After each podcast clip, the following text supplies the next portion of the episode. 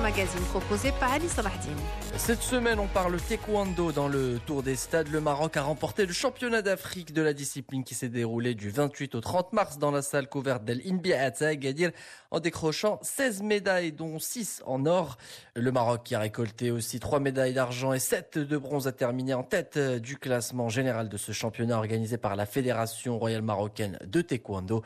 Pour nous parler de cette remarquable prestation, Idriss Lilali, président de la Fédération royale marocaine de taekwondo, il est notre invité de ce tour des stades. Pour la première fois, le Maroc il a pris toutes les médailles dans chaque podium, ce soit de l'or, soit de l'argent, soit de bronze. C'est une équipe qui est jeune, à part euh, oui, Abdislam. Le bilan qui était magnifique avec la commission technique, six médailles d'or, c'est un très bon résultat pour la première fois avec 24 pays africains, avec 152 athlètes euh, qui sont participés. Il y a parmi les champions olympiques, les champions du monde, comme le, la Côte d'Ivoire, euh, chez euh, M. Cher, et l'Égyptien, la, la, championne olympique, et le Tunisien. Mais, alhamdoulilah, le Maroc, il a fait un bon travail dans cette équipe. Mais c'est pas encore suffisant, parce que lorsqu'ils ont participé avec la, deuxième journée, parce qu'ils ont fait des combats et une semaine de compétition, c'est Wiham Dislam qui a pris la médaille d'argent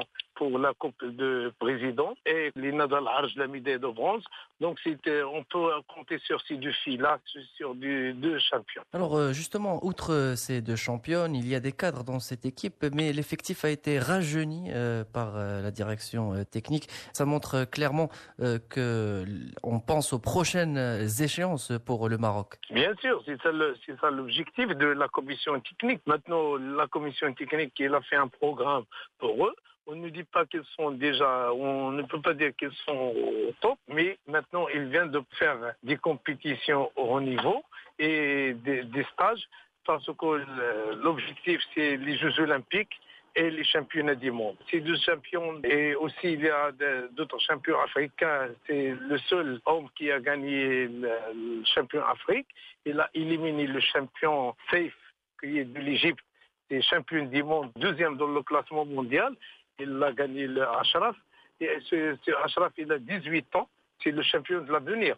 Alors nous, maintenant, on a fait la commission technique, il a fait un programme pour suivre ces athlètes en compagnie avec le ministère de la Jeunesse et des Sports et le comité national olympique. Donc, Inch'Allah, on peut dire, euh, nous, on travaille, c'est pas on travaille pour 2020, parce que 2020, il reste combien? Un an et demi. Il y a déjà des gens qui ont déjà fait leurs équipes, mais nous, on travaille pour 2020 et 2024. Alors euh, justement, on a remarqué même la volonté de la fédération euh, de la discipline à organiser plusieurs euh, manifestations euh, au Maroc, même internationales, non seulement continentales. Et justement, en parlant de l'organisation, 24 pays ont pris part à, cet événement euh, continental. un mot concernant l'organisation de cet événement à Agadir, la salle Inbiat. Oui, 24 pays au niveau africain et 64 pays pour la Coupe des présidents internationale, c'est pas facile. La fédération, depuis qu'on a pris la présidence en 2015, janvier 2015, on a fait plusieurs manifestations. Pourquoi? Parce que pour les Africains, et surtout nous pour les Africains, on ne fait pas beaucoup de compétitions. Les, les athlètes ils ne participent pas aux plusieurs euh, compétitions. Pourquoi À cause du, visa, à cause de beaucoup de choses au niveau financier.